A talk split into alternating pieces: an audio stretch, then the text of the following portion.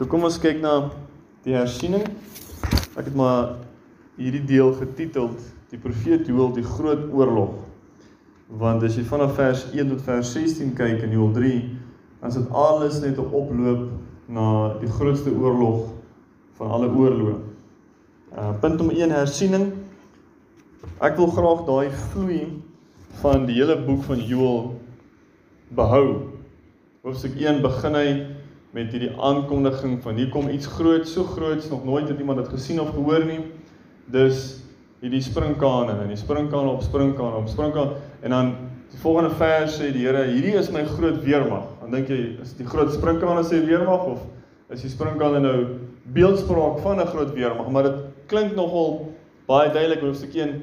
Hier kom 'n landboukrisis. En dan kom hy en dan sê hy die die krisis is weens die sonde van die volk. Dis 'n verhouding wat gebroke is is die oorsaak van die krisis. En dan gee hy vir ons die die oplossing, hy sê vas en bid. En sy keer terug na die Here. Roep hom aan dat hy sal barmhartigheid toon. So die daar skep hy vir ons die raamwerk.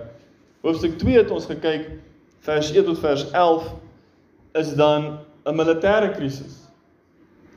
Asof die landboukrisis nie genoeg was nie, kom daar ook oorlog. En ek het in hakies daar gesit klein dag van die Here voorbeeld vir die toekoms.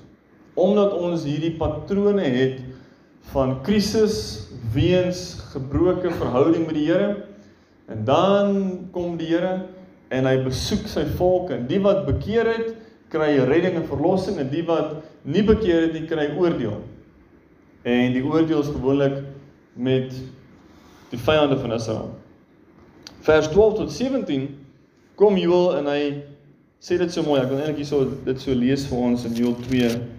Hierdie stukkie hy hy sê in vers 12: "Maar selfs nou nog spreek die Here. Dis soos met alles wat al gesê is en gedoen is in die krisis wat ryp is. Hy sê selfs nou nog in die middel van hierdie moeilikheid bekeer julle tot my met julle hele hart en met vas en geween en rouklaag en skeer julle hart en nie julle klere nie en bekeer julle tot die Here julle God want hy is genadig en barmhartig lankmoedig en groot van goedertierenheid en een wat berou het oor die onheil. En dan vers 14 wie weet hm? Wie weet? Wie weet wat? Wie weet of dit hom nie weer sal berou nie sodat hy 'n seun sal agterlaat, 'n spysoffer en 'n drankoffer aan die Here julle God. Hy sê hierdie is die die reaksie wat God soek. Die reaksie wat die Here soek is die beginsel vir herlewing. So daai is die neutedop. In die midde van al hierdie moeilikheid, as ons hierdie een ding verstaan dat die Here wil herstel bring. Die Here wil die verhouding herstel. Die Here wil sy mense oplig. Hy wil sy gees uitgiet. Hy wil voorsiening bring. Maar die Here talm en soos wat Jesaja sê, die Here is haastig om ons genade te bewys. Jesaja 30 kom hy en sê van vers 15 tot vers 18. Hy sê as jy dan net sal terugkeer na die Here. Kom ons, ek het daai skrif nie ingesit nie, maar kom ons blaai gou sien toe Jesaja 30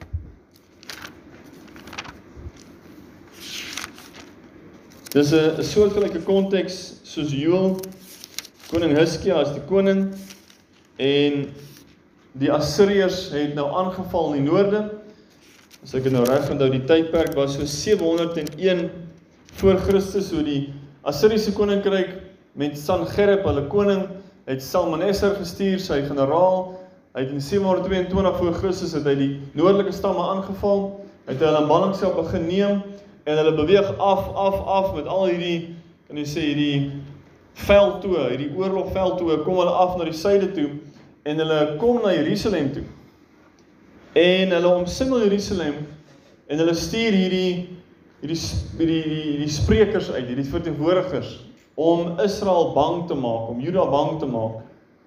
En koning Hizkia hoor hierdie en hy vat hierdie briewe en hy gaan lê dit voor die Here in die tempel en hy roep die Here aan. En Jesaja kom om hom te versterk en bid saam met hom. En wat gebeur? Vers 15 sê, want so sê die Here, Here, die Heilige van Israel, in terugkeer en rus lê julle heil, lê julle verlossing. Ja wag, wag. Die konteks hierso is 185000 soldate omring Jerusalem. En die woord van die Here is in terugkeer, bekering en rus lê julle verlossing. In stil wees en vertroue bestaan julle krag, maar julle wou nie.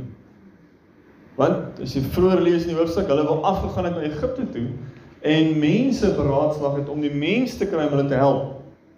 So nee nee nee, sê Jesaja, nee nee nee staan op die Here. Dieselfde konteks, as ons bietjie verder af van vers 18 en daarom sal die Here met ongeduld daarop wag om julle genadig te wees en daarom sal hy hom verhef om hom oor julle te ontferm want die Here is 'n God van die gereg. Welgeluksalig almal wat op hom wag. So hoofstuk 2 vers 12 tot 17 ons het dieselfde konteks daar in Jesaja 30 Die Here sê hierdie is die beginsel van herlewing as ons net sal terugkeer na hom in die midde van die moeilikheid sal hy ons hoor. Sal hy hom ontferm oor ons? Wie weet sê Joel hoofstuk 2 vers 18 tot 27 ons sien duidelik die land word herstel. Vers 18 sê en die Here het hom beywer oor sy land. Hy het die mense gehoor en toe het hy opgetree namens ons. En dan is dis dis waar ons die term kry ekonomiese voorsiening, ekonomiese herstel. Die Here begin en hy kies sy mense uit. En hy voorsien vir sy mense. Dalk is dit een dorp kry ekonomiese vooruitgang, 'n ander dorp kry nie. Dalk is dit een streek en 'n ander streek. Dalk is dit een gesin en 'n ander gesin nie. Hulle wat die Here aanroep Vers 27 het ek uitgehaal en ek het hom hier ingesit, maar dit was vir my so kenmerkend en uitgestaan vir my. Dit sê en julle sal weet dat ek in die midde van Israel is. Dis nou na hierdie herstel. Na die reën begin weer kom en daar's mos en daar's olie en die leraar van geregtigheid word gegee en daar's nou vee en daar's druiwe en daar's wingerde waar waar voorheen hongersnood was. En julle sal weet dat ek in die midde van Israel is en dat ek die Here julle God is en niemand anders nie. Want dis die dis die konflik in die verhouding hier. Wie is jou God? Wie is die een na wie jy toe gaan? En Israel het afgedwaal, afgodery. Hulle was in afgodery betrokke. Die Here het hulle daarmee berus by, hy het die profete gestuur, hy hy het hulle toe gestraf en hy het gesê hierdie is die kwelpunt in die verhouding. Aan wie is jy meer lojaal? Wie is jou liefling en wie nie? En my volk sal in ewigheid nie beskaamd staan nie. Die Here sal herstel. Vers 28 tot 32 lees ons dan daarna sal ek my gees uitgiet op alle vlees. En dan sê dit die tekens in die hemele, die tekens op die aarde. En dan vers 31 vers 32 van Joël 2, die laaste versie wat ek eintlik dink invloei in hoofstuk hoofstuk 3 in sê en elkeen wat die naam van die Here aanroep sal gered word. Nou wag, wag. Wat sou die rede wees hoekom die mense die Here moet aanroep? Verantwoordelikheid. Hoofstuk 1 en hoofstuk 2 is nog steeds besig om plaas te vind. Daar is nog steeds moeilikheid. So in die konteks van Israel het die hele land oorlog gehad. Die hele land het hongersnood gehad. Maar soos in die loop het gesê daar's 'n beginsel hier. Dit wat was sal weer wees. Want die die volle skaal van hierdie profesie is nog nie vervul nie. So hierdie mense wat die Here aanroep om gered te word, is mense wat te midde van al die chaos roep Here verlos ons. Dis nie daar's nie chaos nie. Dis nie asof dis net dit maanskyn en rose en dan roep die mense Here verlos ons nie. Nee nee. Te midde van die chaos wat toeneem en toeneem en toeneem, begin die mense tot bekering kom. Krisis is die beste geleentheid vir evangelisasie. En in die krisistyd roep die mense meer uit. Dit sê want op die berg Sion, so in in konteks van Israel en in Jerusalem sal daar ontkoming wees soos die Here gesê het en onder die vrygeraaktes die wat die Here sal aanroep. So ek neem aan as daar vrygeraaktes is, is daar ook gevangenes. Wie is die gevangenes in konteks van hoofstuk 2? Israel. As ons daai konteks vergroot wêreldwyd, dan is daar gelowiges. Gelowiges wat in gevangenskap gevat word en daar's gelowiges wat vrygeraak het. En ek dink hier is belangrik want hierdie skep vir ons die vloei na hoofstuk 3 toe.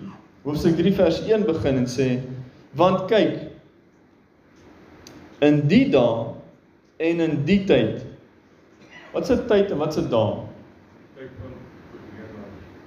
die konteks van hoofstuk 1 en 2 wat nou opgebou het na hoofstuk 3 toe in hierdie tyd wanneer die moeilikheid daar is wanneer die mense begin bid en uitroep In hierdie tyd wanneer ek my gees begin uitskiet. In hierdie tyd want hoofstuk 3 vers 1 sê wanneer ek die lot van Juda en Jerusalem verander nou dis nie so goeie ek het die die New King James hier gesit in in die notas want dis nie die letterlike vertaling van die Hebreëus of daai daai is meer van 'n dis nou waar die 33 so 'n bietjie tekort skiet. Die Hebreëus sê nie waar die lot verander nie. Die Hebreëus sê wanneer ek die die gevangenes terugbring. When I return the captives and dis waar die Engels dit so mooi sê, for behold in those days and at that time when I bring back the captives of Judah and Jerusalem.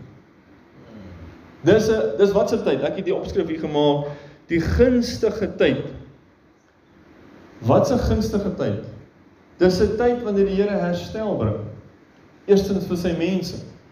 Hy sê Kyk in hierdie tyd en in daai dae, wanneer ek Juda en Jerusalem herstel. Dit gee vir ons 'n baie goeie raamwerk om te sê, "Wow. In hierdie tyd gaan wat gebeur?" Wel, vers 28 van Hoofstuk 2 het gesê en daarna sal ek my gees uitgiet. Dis 'n tyd van herstel van Israel, die land van Israel, die grond, die mense van Israel. En nou kom in Hoofstuk 3 die Here en maak dit spesifiek wanneer ek hulle terugbring. Hm. Ek het vir ons ingesit hierso Jeremia 30 vers 3 tot 8. So Jeremia kom en Jeremia profeteer die hoofstukke voor hoofstuk 30. Julle gaan in ballingskap aangaan. Jeremia 29, ons ken almal daai 29 vers 11. Kyk, ek het goeie planne sê die Here. Ek het goeie gedagtes aangaan die julle. Maar die konteks is dan gaan julle in ballingskap stuur sê. Want na die ballingskap het ek goeie planne sê die Here. As julle my soek met julle hele hart. Daai is hoofstuk 29. Nou kom hoofstuk 30 en Jeremia sê want kyk nogal dieselfde soos Joel want kyk daar kom daar spreek die Here dat ek die lot van my volk Israel en Juda sal verander. Kan jy dieselfde woorde hoor? Kyk nou die konteks.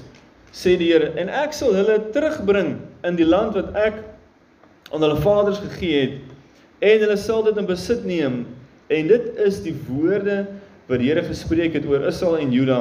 Want so sê die Here: Ons het 'n stem van verskrikking gehoor. Daar is vrees en geen vrede nie. Wag nou. Die Here sê net hy verander die lot van Israel en, en Juda. Hy bring hierdie mense terug. Wanneer het dit gebeur? In Jeremia se konteks was dit na die Babiloniese ballingskap. Ezra en Nehemia kom hulle terug, Zerubabel, ehm um, Sagaria die die Hier was dit Joshua die hoofpriester en Sagaria en Haggai die profete. Hulle kom fisies terug 536 voor Christus. Wat gebeur toe? Dit was nie maanskyn en rooster gewees nie. Wat was die Hoe was die gevoel? Het julle al Nehemia gelees en Ezra? Hoe hulle gesukkel? Hoe die mense hulle teëgestaan? Hoe Nehemia gebou het die mure van Jerusalem met 'n 'n swaard in die een hand sê hy en 'n troffel in die ander hand. Hier bou ons en hierso verdedig ons. Dis moeilike tye gewees. OK, Jeremia sê daar gaan moeilike tye wees. Maar nou kom Jeremia en hy sit 'n skaal aan die moeilikheid. En dan lees ons hierso dit sê Vra tog en kyk of 'n manspersoon baar. Waarom sien ek elke man met sy hande op sy heupe soos een wat baar? En is alle aangesigte in bleekheid verander? Want hy sê wee, want dit is want die dag is groot sonder weergaan en dit is 'n tyd van benoudheid van Jakob. Jy al hoor van Jacob's trouble in die Engels? 'n Benoudheid vir Jakob. Maar hy sal daaruit verlos word. Dit klink soos Joël. Hulle wat die Here aanroep, hulle sal verlos word. Daar's benoudheid. Ek bring julle terug na die land toe, maar dit gaan nie in maanskyn en rose wees nie. Daar gaan konstante druk wees. So ons sien dit in Ezra en Nehemia se tyd. Maar as ons Ezra en Nehemia se tyd vergelyk met die laaste 100 jaar van Israel se terugkeer, dan is die laaste 100 jaar ver groter in skaal van benoudheid en in terugkeer en in herstel as in die van Nehemia. Maar tog het ons nog nie die volheid bereik nie. Sê, en dit is 'n tyd van benoudheid vir Jakob, maar hy sal daaruit verlos word.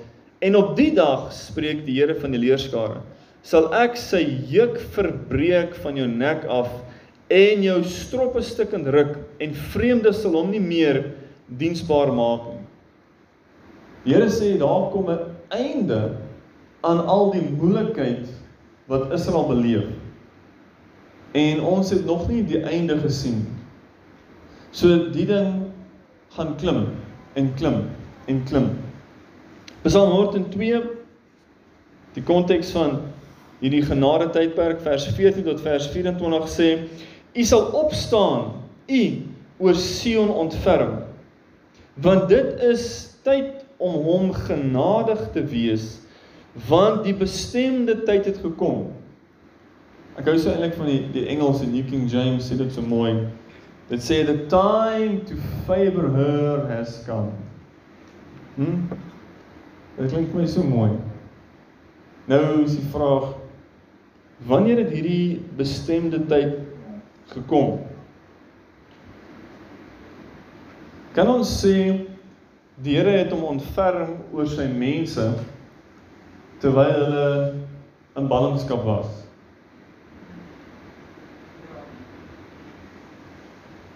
Kan ons sê die Here het hom ontferm oor sy mense toe hulle ballingskap geëindig het. Jy sien so dan moet iets gebeur met die mense wat kan die gevolg trek maak jy's daar's nou 'n verandering hierso.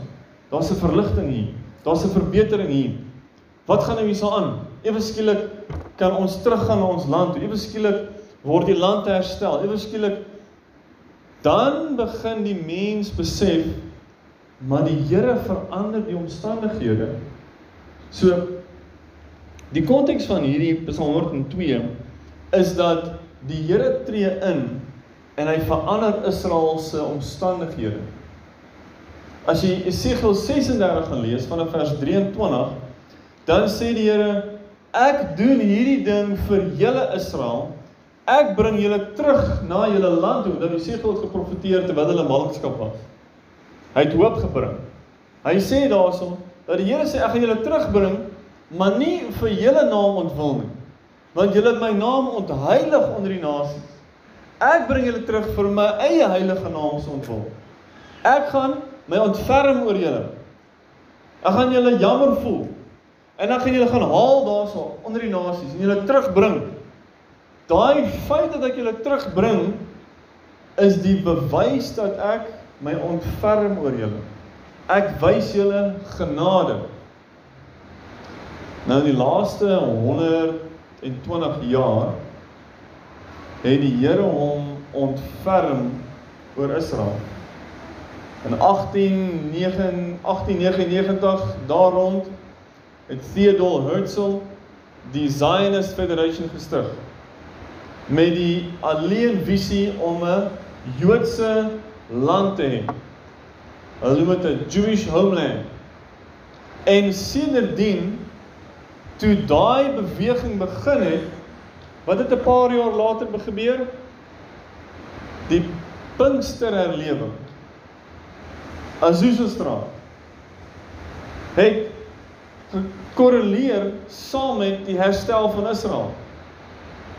Raai wat? Na die Tweede Wêreldoorlog wat het gebeur? Die land van Israel is toe amptelik erken en gestig. Saam met dit wat het ooreenkomstig gebeur in die kerk in die weste het ons 'n genesingsherlewing gesien in die 46, 47, 48 tot in die 50s tot in die vroeë 60s. Jy het al gehoor van A.A. Allen, Catherine Kuhlman, al hierdie mense saam met die Theodore Herzl, die beweging om Israel te stig as 'n nasie in die vroeë 1900s het ons John G. Lake gehad. Selfde tydperk. Smith Wigglesworth, John G. Lake, selfde tydperk toe Israel toe die beweging om Israel te herstel. So as jy geskiedenis vat, jy vat 120 jaar en jy gaan kyk wat se merkwaardige dinge het gebeur in die geskiedenis van Israel. En jy vergelyk dit met die geskiedenis van die kerk. Dan sien jy evangelisasie het wêreldwyd toegeneem. Meer in die laaste 100 jaar as in die laaste 1900 jaar. Die bekering van Jode wat tot geloof kom in Yeshua, in Jesus, het toegeneem dat as jy dit sou vergelyk, meer Jode het tot bekering gekom in die laaste 100 jaar as in die laaste 2000 jaar. So hierdie konsep in Psalm 102 dat daar 'n bestemde tyd wat God sy mense gaan ontferming bewys. Ons leef nou in die era van die klimaks van God se ontferming. En dit ons kan dit so maklik verbykyk want ons leef daarin. Dan kan jy so maklik gewoond raak daaraan. Maar ek wil vir ons hierdie stukkie verder lees. Vers 14 tot vers 24. Want die knegte het sy klippe lief en het medelee met sy pyn. Dan sal die heidene die naam van die Here vrees en al die konings van die aarde u heerlikheid omdat die Here Sion opgebou het in sy heerlikheid verskyn het. Daai is die wederkoms in sy heerlikheid verskyn het. Hom gewend het tot die gebed van wie ontbloot is. En hulle gebed nie verag het nie. Dit sal vir die volgende geslag opgeskrywe word en die volk wat geskape gaan word sal die Here loof omdat hy van sy heilige hoogte neergesien het, die Here uit die hemel op die aarde gelei het om die gekerm van die gevangene te hoor. Amazing, hè? Om los te maak die kinders van die dood sodat hulle in Sion die naam van die Here kan vermeld en sy lof in Jerusalem as die volke almal saam vergader ook die koninkryke om die Here te dien. In daai konteks is dit na die verlossing sal die nasies kom om die Here te dien. Voor die verlossing kom die nasies om 'n ander ding te doen. Kom ons blaai om na bladsy 2 bo. So daai was daai was vers 1 skep vir ons 'n uh, hele klimaat. Die Here verander die lot van Juda en Jerusalem, maar as die Here wat sy mense terugbring En soos wat hy die mense Israel terugbring uit al die nasies uit en hy bring hulle na een plek toe, kan al die nasies nou hulle aandag fokus op een plek. Nou jong vir vir 'n ateïs weet ek nou nie hoe kom jy verby dit nie. Dat 2600 jaar gelede, 2700 jaar gelede profeteer Joël en hy sê daar gaan hierdie nasie wees. Israel Hulle gaan die enigste nasie wees in die geskiedenis van al die nasies wat verstrooi is uit hulle tuisland uit, hulle hoofstad verloor het, hulle taal verloor het, onder die nasies verstrooi is, hulle identiteit behou het, teruggekom het na dieselfde grond toe, na dieselfde nasie toe, hulle taal weer teruggekry het, hulle dieselfde hoofstad teruggekry en dan word hulle die mense in die nuus die meeste onder al die nasies En dan kom al die nasies teen hulle en maak oorlog teen hulle. As jy nou so 'n voorspelling kan kry van 2700 jaar terug wat so akkuraat is, hoe gaan jy dit weer lê? Hoe hoe is dit moontlik? So dan moet jy net sê die son bestaan eintlik en is net 'n jy weet 'n 'n beeld van jou verbeelding. So dit dit ja, ek verstaan nie mooi hoe hoe werk dit nie. Kom ons lees vers 2. Die ek noem dit die oorlog wat alle oorloë beëindig. Dis die laaste groot oorlog. En hy is op die voorhoede die vooraand. Vers 2 sê sal ek al die nasies versamel en hulle bring na die dal van Josafat. Nou as jy in die Bybel gaan kyk, daar is nie 'n plek met die naam van die dal van Josafat nie. Jy gaan soek in jou atlas, jy gaan soek in jou e-sword, jy gaan soek en gaan soek en gaan soek dan dan gaan jy hom nie kry nie, maar daar is 'n plek waar die koning Josafat oorlog gevoer het en die Here het beskik dat hy oorwinning gegee het toe Josafat die koning die priesters gestuur het vooruit met lofprysing en aanbidding en soos hulle dit gedoen het het die Here verwarring gebring onder die vyande hulle mekaar uitvermoor en toe hulle by die plek kom om oorlog te voer toe is daar niks oorlog nie toe het hulle net al die byt gevat en dit is 'n beeld van die Here se ingryping om totaal al die vyande van Israel uit te wis. En so het die Here die vyande van Israel gestraf, geoordeel. Hy het namens sy volk beklein. So die Here sê en hulle na die dal van Josafat laat aftrek om daar met hulle 'n strafgerig te hou ter wille van my volk en my erfdeel Israel wat hulle onder die nasies verstrooi het en my land wat hulle verdeel het. Wat is die kenmerkende slagspreuk elke keer as Israel te doen is in die nuus en in die VN en met die Palestynë dan het jy hierdie two state solution. Het jy al gehoor van dit? Die two state solution. Wat is die die kern van dit? Ons wil die land van Israel opdeel. En dan sê Joel 3 vers 2 en my land wat hulle verdeel het Dan dink jy met jouself, wag nou wag. Hoe op aarde is dit moontlik dat dit so akkuraat kan wees so lank terug dat die Here geweet het daar gaan hierdie want die Palestynë het nie bestaan nie. In die tyd van Joël was daar nie Palestynë nie. In die tyd van Jesus in die tweede tempel was daar nie Palestynë nie.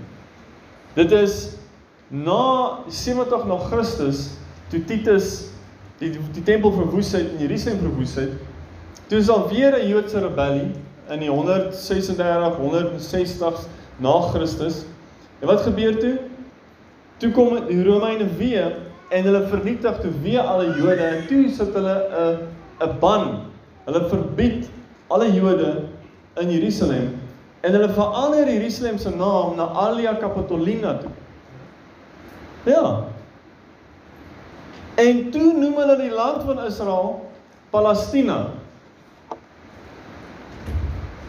Hæ? En dis waar ons die naam Palestina vandaan kry. So daar was nie 'n volk met 'n taal en 'n kultuur wat genoem word die Palestynë nie.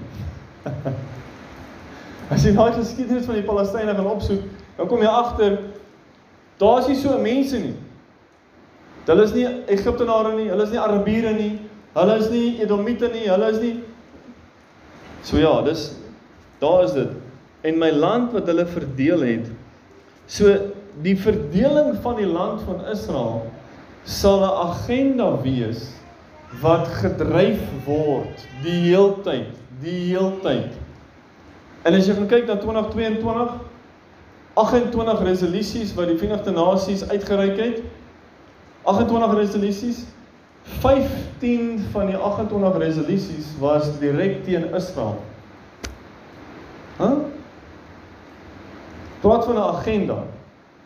Praat van 'n plan.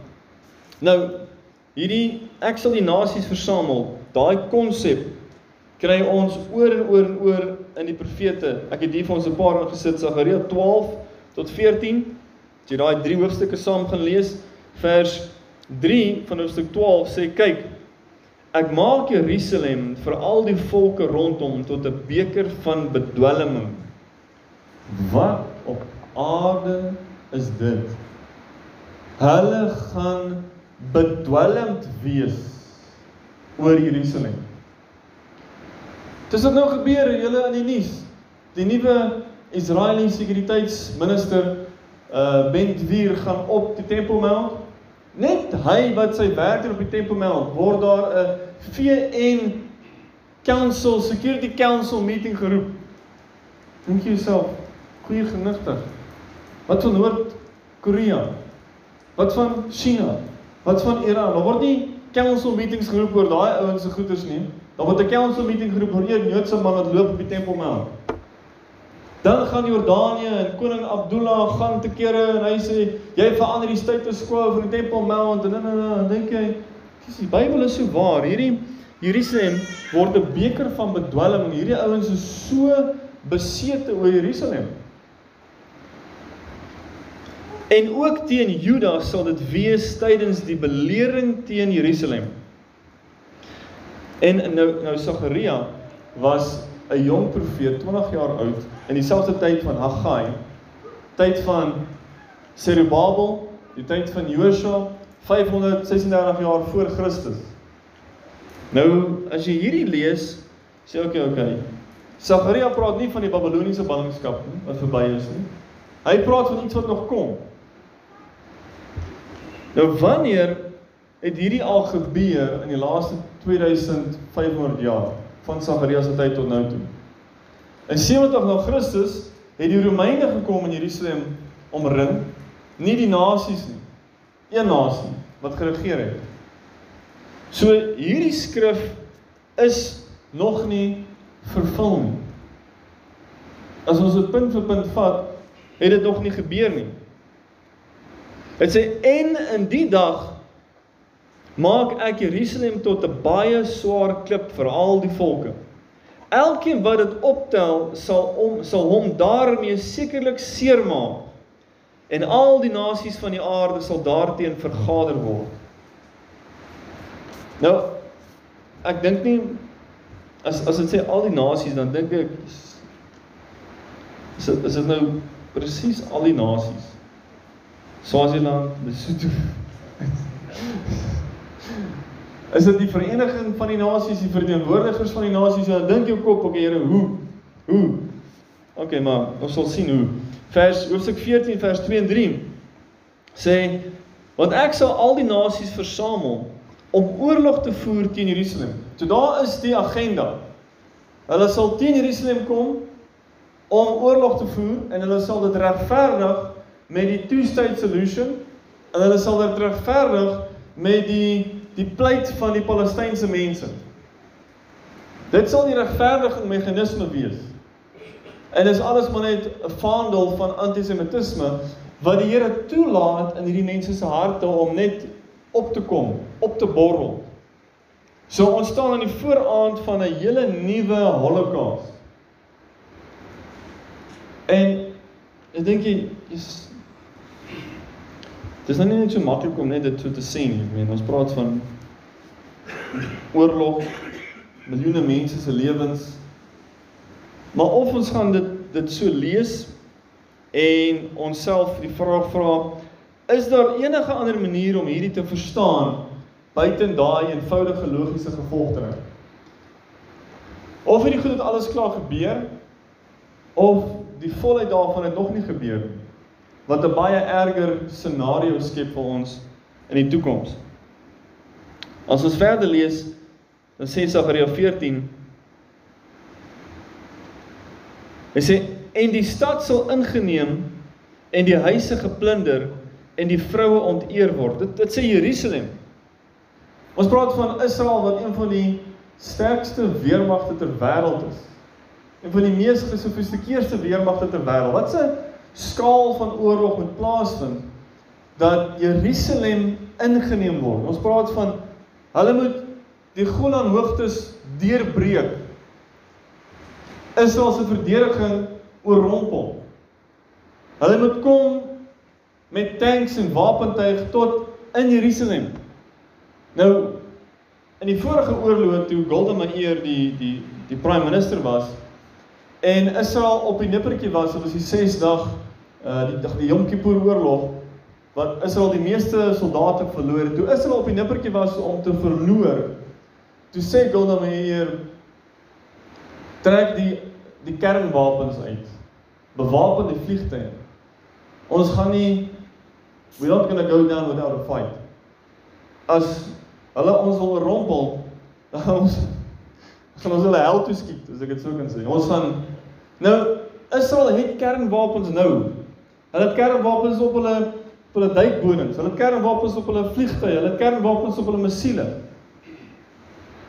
Nou praat die mense al klaar, Belarus en Rusland gooi die kernwapen woord daar uit dat as hulle moontlik die oorlog sou verloor of die weste soveel wapentech stuur dat hulle bedreig word, dan sal hulle kernwapens gebruik. Nou dink jy jouself hierdie paar versies praat boekdele en aardskuddende woorde van 'n oorlog in die Midde-Ooste wat ons nog nie gesien het nie. En as Israel moet oorrompel word en vernietig word in hulle weermag kapasiteit, dan moet dit is dit moet 'n oorlog wees wat ons nog nie gesien het nie. Daniël hoofstuk 12 kom. Ek dink kom ons blaai so toe. Daniël 12 is net so 'n paar bladsye terug van van Joel. Daniël hoofstuk 10, 11 en 12 is alles een visioen wat engel Gabriël kom en hy verduidelik vir Daniël die einde van dae. En wat gaan gebeur wie gaan wat doen en hoe gaan dit lyk? En hoofstuk 12 begin en dit sê in die tyd, selfde tyd wat ons nou lees van in Sagaria, selfde tyd wat ons lees van in in Joël 3.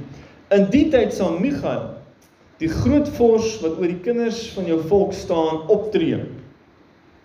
OK. En dit sal 'n tyd wees van benoudheid. Dit sal 'n tyd van benoudheid wees soos daar nie gewees het vandat 'n volk bestaan het op die aarde. Dis dis so dit daai daai uh, Jeremia 30 vers 7, die benoudheid van Jakob. En dit sê en elkeen wat in die boek opgeskrywe staan, elkeen elkeen wat lees net wie hierso. Maar in die tyd sal jou volk gered word, soos ons lees in in Joël, soos ons lees in Sagaria. Elkeen wat in die boek opgeskrywe staan. En baie van die wat in die stof van die aarde slaap sal ontwaak. Hier praat hy van die opstanding van die dooie. Dis een van die een van die enigste skrifte in die Ou Testament wat so duidelik is oor die opstanding van die dooie. Sommige tot ewige lewe en sommige tot groot smaadheid vir ewige afgryslikheid, afgryslik. En die verstandiges sal glinster soos die glans van die uitspansel. En die wat en die wat baie tot regverdigheid lei soos die sterre van vir ewig en altoos. En jy Daniël hou die woorde geheim en versteel die boek tot die tyd van die einde toe. Baie sal dit deursoek en die kennis sal vermeerder. En ek Daniël het gesien en kyk daar het twee ander gestaan. Die een diskant op die wal van die rivier en die ander oorkant op die wal van die rivier en een het aan die man met linne bekleed wat bo oor die waters van die rivier was gesê: "Hoe lank sal die einde van die wonderbaarlike dinge uitbly?" Toe hoor ek die man met linne bekleed wat bo oor die water van die rivier was, en hy het sy regterhand en sy linkerhand na die hemel opgehef en gesweer by die ewige lewende 'n tyd, tye en 'n halwe tyd, 3 en 'n half jaar. En as hulle die mag van die heilige volk geheel verstrooi het, sal al hierdie dinge vervul word. Wow, dit is net soos dis heavy woorde daai. As hulle die mag van die volk verstrooi het. So Sagaria 14 vers 2 en 3 praat van daar kom 'n tyd en ons sien dit, ons sien Hezbollah in die noorde, 150 000 missiele. Gaza het Hamas en Islamic Jihad met missiele. Ons sien Jordanië is meer en meer ongelukkig met Israel. Ons sien Irak en Sirië. Ons sien Iran. Ons weet jy begin dadelik die prentjie sien dat hier is dis nie 'n kwessie van gaan daar ooit oorlog wees nie, dis 'n kwessie van hoe veel jare het ons oor voor 'n groot oorlog is. En dan sê dit En die helfte van die stad sal uitgaan. Ek sê Sagaria 14 vers 2 in die notas. En die helfte van die stad sal uitgaan in ballingskap. Maar die oorige deel van die bevolking sal nie uit die stad uitgeroei word nie. So daar gaan mense oorbly in Jerusalem en daar gaan mense gevangene geneem word. So dis dis die Holocaust konsep. Mense word uitgeroei, mense word gevang geneem. En dan sê dit en die Here sal uittrek en stryd voer teen die nasies soos op die dag van sy stryd, die dag van oorlog. Dis die einde van daai geveg gaan so eindig. Ek het daar in hakkies vir julle 'n hele paar skrifte gegee wat julle kan gaan kyk na. Maar ons sien die konteks van hierdie Joel 3. Ons sien die uitstorting van die Gees. Ons sien moeilikheid, ons sien herstel, ons sien herlewing, ons sien die gebedsbeweging, ons sien hoe meer die benoudheid toeneem, hoe meer neem hoe meer neem die gebed en intersessie toe. En saam met dit die die oes van die siele vers 3 En oor my volk het hulle die lot gewerp om Jan se versie en 'n jong seun weggegee vir 'n hoer en 'n meisie verkoop vir wyn en en dit gedrink. Daai maak sin in konteks van Sagaria 14. Helfte van die stad word weggevoer. In daai proses, ek meen, hierdie is dis oorlogtaal. Vers 4. En ook wat het julle met my te doen, o Tyrus en Sidon? En al die landstreke van Filistea, wil julle my iets vergelde of wil julle of wil julle my iets aandoen? Gou, eilings sal ek julle dade op julle hoof laat neerkom. So wie, wie is Tyrus en Sidon? Waar was hierdie mense? Noord van Israel, Tyrus en Sidon is al twee uh um kus stede gewees. Moderne Lebanon soos na die suide toe gaan, Filistea. Filistea is die area van vandag se Gaza. Wie is in daai areas wat die Here wil aanvat en hom iets wil vergelde? Ons het Hezbollah in die noorde. Versekerlike terroriste groep. Ons het in die suide Hamas. So as ek hierdie in 'n moderne manier sou vertaal, sou ek gesê het en ook wat het julle met my te doen o Hezbollah? in die landstreke van van Gaza, van Hamas. Dis die ouens wat Israel wil uit uitroei die hele tyd. En Israel berei voor elke paar maande hulle strategie, hoe gaan hulle hulle self verdedig? Want hulle sê dis net 'n kwessie van tyd voor Hezbollah in die noorde ons aanval. En Hezbollah in die noorde is soos die die slapende reus Hamas in die suide skiet in 10 13 dae 4.500 missiele op Israel. Hulle sê wanneer Hezbollah wat befonds word deur Iran wanneer hulle oorlog met Israel gaan maak, kan jy 4.500 missiele op 'n dag verwag. Want hulle sit met 150 plus 1000 missiele wat hulle noem PGMs, precision guided missiles. Nie net Hamas wat 'n dingetjie skiet en dan vlieg hy daar in die see in. Jy weet, baie van hulle skiet hulle en tref hulle eie mense in hulle eie plekke. So die die skaal is net ons is op pad ergens heen en ons het gebed nodig vir hierdie vers 5. Want julle het my silwer en my goud geneem en my kosbare skatte na julle tempels gebring. Dis die roof van Israel. As jy Jesegiel 38 en 39 lees, dan sien jy Die motivering saam met hierdie oorlog is ons soek die rykdom wat Israel het. Ons soek daai olie. Ons soek daai tegnologie. Ons soek daai lande. Vers 6. Verder het julle die kinders van Juda en die kinders van Jerusalem aan die kinders van Javan, dis die Grieke verkoop om hulle ver van hulle grondgebied te verwyder. Dis daai Sagaria 14 helfte van die stad gaan in ballingskap en helfte van die stad, hierdie mense gaan verkoop word. Hulle gaan gebruik word, hulle gaan mishandel word. Daai konsep van die Holocaust. Vers 7. Kyk, ek sal hulle laat opstaan uit die plek waarheen julle hulle verkoop het. En julle dade op julle hoof laat neerkom. En ek sal julle seuns en julle dogters aan die kinders van Juda verkoop en die sal hulle verkoop aan die Sabeers, aan 'n ver afgeleë volk, want die Here het dit gespreek. Roep dit uit onder die nasies, heilige oorlog. Wek die helde op, laat al die krygsmanne nader kom, opruk. Just toe ek hierdie lees, dink ek watter teenstryd is hierdie in een boek? In hoofstuk 1 vers 14 en 2 vers 15 het ons hierdie heilige vasdag is die roepstem. Blaas die bassein, roep die mense, kom ons gaan vas en bid.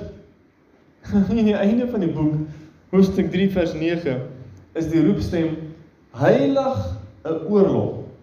Nou as ek daai woorde bietjie kan omdraai en ek sê heilige oorlog, dan is dit wat ons vandag in in terrorisme sien is as jihad. Jihad is die term wat die islamitiese terroriste gebruik om te sê holy war. Dis 'n spesiale ding om te sterf in oorlog terwyl jy die infidels doodmaak in die naam van Allah. Kan jy jouself indink? Roep dit uit onder die nasies. Wat word vandag onder die nasies uitgeroep? Allahu Akbar, dis wat uitgeroep word. Ons God is groter. En dan in in daai woorde word daar moord gepleeg. Nou, in 'n paar dae terug is daar sewe mense vermoor in 'n sinagoge toe 'n Palestynse man met 'n geweer instap en die mense begin doodskiet. Dis en dan doen hulle dit terwyl hulle skree ons God is groter. Dis die holy war van van Islam. Kom ons blaai om na bladsy 3 toe. Vers 10 Joel 3 vers 10 smee van julle pikke swaarde en van julle snoeimesse spiese. Laat die swakkes sê ek is 'n held. Nou ons het al daai liedjie gesing, weet dat hy wat swak is sê hy is sterk en dan eintlik die konteks hierso is die nasies wat teen Israel kom. Ek meen dis die Here wat die mense uitlok, wat die nasies uitlok. En dink jy as jy nou 'n raadgewer was aan een van hierdie nasies en en jy die Bybel geken dan dan sou dit goeie raad wees om vir daai president te sê kyk president ek wil net hierso ietsie sê jy weet ehm um, eintlik is die, die Here besig om julle in 'n lokval in te lei. Dis eintlik die Here wat toelaat dat julle wil afgaan na hierdie stem toe na Israel toe julle oorlog maak. E, eintlik is hierdie nie 'n goeie ding nie. Dis 'n ambush. Dis 'n lokval van die God van Israel. Maar as jy dit glo dan dink jy nee, ons ons het die massas, ons het die weermag, ons gaan hulle vernietig. En dan sê die Here hy trek hulle af. Nou as jy hierdie versie lees en vergelyk dit met Jesaja hoofstuk 2 en vergelyk dit met Micha hoofstuk 4 vers 3. Jesaja 2 en Micha 4 sê hulle sal hulle pikke, hulle sal hulle swaarde insmee vir pikke en hulle sal hulle spiese insmee vir snoeimesse. Want Jesaja 2 en Micha 4 praat van die einde van alle oorlog. En hulle gebruik dieselfde terminologie. Hierso in Joël sê dit nie die teenoorgestel. Hulle gaan ophou fokus om te bou aan die land. Hulle gaan fokus om net wapentuig te produseer. En die wapentuig vir oorlog teen Israel. Vers 11: Haas julle en kom aan, alle nasies rondom en versamel julle En in die laaste stukkie kon ek nie lekker verstaan nie. Laat u helde, Here, daarin aftrek. En vra myself die vraag: Is is hierdie nou mense helde? Is hierdie die engele? Is hierdie is is Joel besig om te sê die helde van die Here is hierdie nasies wat kom om oorlog te maak teen Israel? Soos hy gesê het in Joel 2, hierdie is my weermag. So ek ek gooi dit op buite om bietjie daaroor te dink wat wat en wie dit kan wees. Vers 12. Die nasies moet hulle klaarmaak en optrek na die dal van Josafat. Want daar sal ek sit om gerig te hou oor al die nasies rondom. Ek dink aan Matteus 25 se gelykenis van Jesus wat sê wanneer hy terugkom sal dit wees soos 'n koning wat sit op sy troon en al die nasies bymekaar bring. en hulle dan verdeel bokke van skape. Hier sal die Here sit. Hy sal die nasies bring om oor hulle gerig te hou. Vers 13: Steek die sikkel in, want die oes is ryp. Kom trap, want die parskyp is vol. Die die kuipe loop oor, want hulle boosheid is groot. Ja, net in daai een versie kan ons seker 'n uur lank praat, want dit praat van 'n oes. Steek die sikkel in. Openbaring 14, die dryweroes. Die eerste engel kom en hy steek sy sikkel in en hy oes. Hy oes die wat gaan na die boosheid toe, na verderf toe. Dan kom hy dan oes hy die wat reg is vir die Here. En dan sien ons hierdie parskype. Jesaja 63 sê: "Wie is hy wat kom?" sê Jesaja in rooi. Hy kom daar van Bosra af. Dis Edom. Dis daar van Jordanië se kant af. Wie is hy wat kom in rooi? En dan word hom gesê dis die Here wat die parskyp van die grimmigheid van God alleen getrap het en die bloed van die nasies is op sy klere. Die Jesus in rooi wat oorlog gaan voer in Joel het ons dieselfde konsep. Die oordeel van Christus vers 14, 15 en 16 sê menigtes menigtes in die dal van beslissing. Want naby is die dag van die Here in die dal van beslissing. Wat is hierdie dal van beslissing?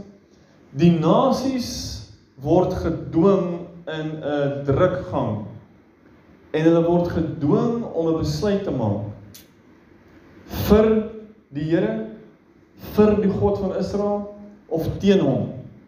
Dis baie eenvoudig.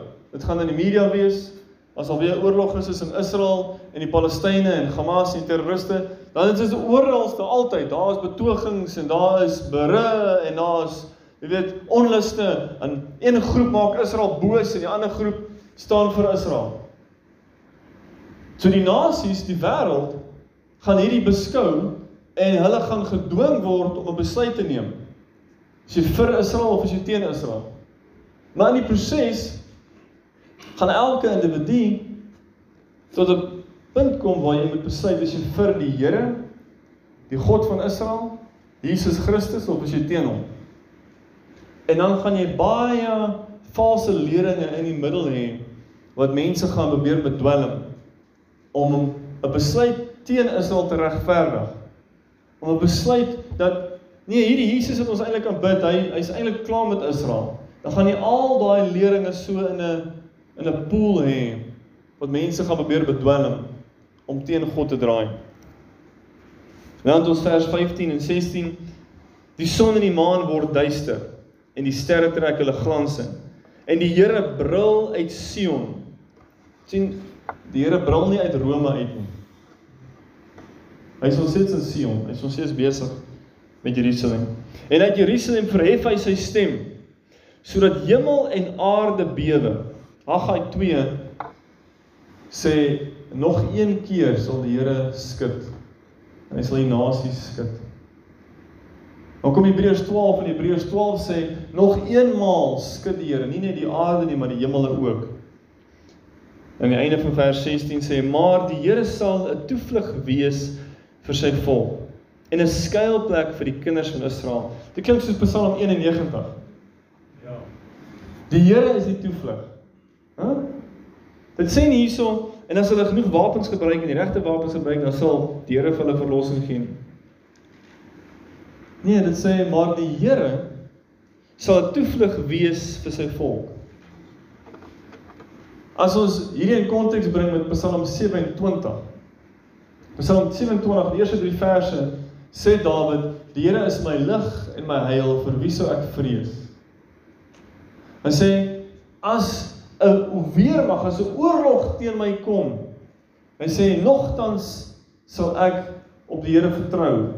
En dan vers 4 sê hy want een ding het ek van die Here begeer en dit sal ek soek dat ek al die dae van my lewe mag woon in die huis van die Here om die lieflikheid van die Here te aanskou en te ondersoek in sy tempel. Dan sê hy hy sal my in die dag van onheil wegsteek in sy skuilplek. Hierdie, dis die Here is die toevlug vir hulle wat hulle begeerte en hulle verlustiging in hom vind. dan word hy die skuilplek. Maak nie saak waar is jy. Al is jy in Jerusalem in Israel in die oog van die storm, dan sal die Here daar met jou wees. Want as ons kom by Openbaring 11, dan sien ons die twee getuies wat opstaan in Jerusalem en profeteer en ons sien hulle doen, hulle maak chaos vir die ouens wat teen Israel kom. En die Here sal met ons wees as ons met hom is. So ek ek wou meer gesê het, maar nog ek kom ons gaan net ten minste deur hoofstuk 3 en ons kry 'n vloei van hoofstuk 3 en die kernpunte wat hier in hoofstuk 3 uitgelig word van in die tyd wanneer God Israel barmhartig is, hy bring hulle terug, is dieselfde tyd wanneer hierdie moeilikheid begin groei. En dit neem toe, maar dis dieselfde tyd wanneer die Here die kerk begin herstel. Soos hy Israel herstel, herstel hy die kerk. En soos hy die kerk herstel, begin die kerk ook meer moeilikheid kry. So as jy gaan kyk na die laaste 100 jaar se vervolging en verdrukking wat die kerk beleef het, dan sien jy ewe skielik dieselfde grafiek soos wat Israel toeneem En die mense kom terug na die land toe, en die land herstel en Israel se vyande neem toe. Dan sien jy Jesus met die boodskap van die evangelie gaan vorentoe en meer en meer, maar hoe meer nou mense tot bekering kom, hoe meer nasies ons bereik, hoe meer moeilikheid kom daar. En so die twee loop parallel. In die woorde van Derek Prince, hy sê Israel is like the first button on a shirt. If you get Israel wrong, you get all the other things wrong. Jou verstaan van hoe God werk met Israel en hoe hy met Israel werk vergelykend met die nasies, as jy nie dit verstaan nie, dan kry jy al die res verkeerd. So ja, Eksodus het gesê hoofstuk 4 dat Israel is die eersgebore nasie onder al die ander nasies. So God werk met Israel op 'n manier vir ons om te verstaan hoe werk hy met al die ander mense. So, kom ons stop daarso. Ons sal aangaan volgende week soos die Here wil van vers 17 aan tot die einde van vers 21 die gevolge wat gebeur na die oorlog.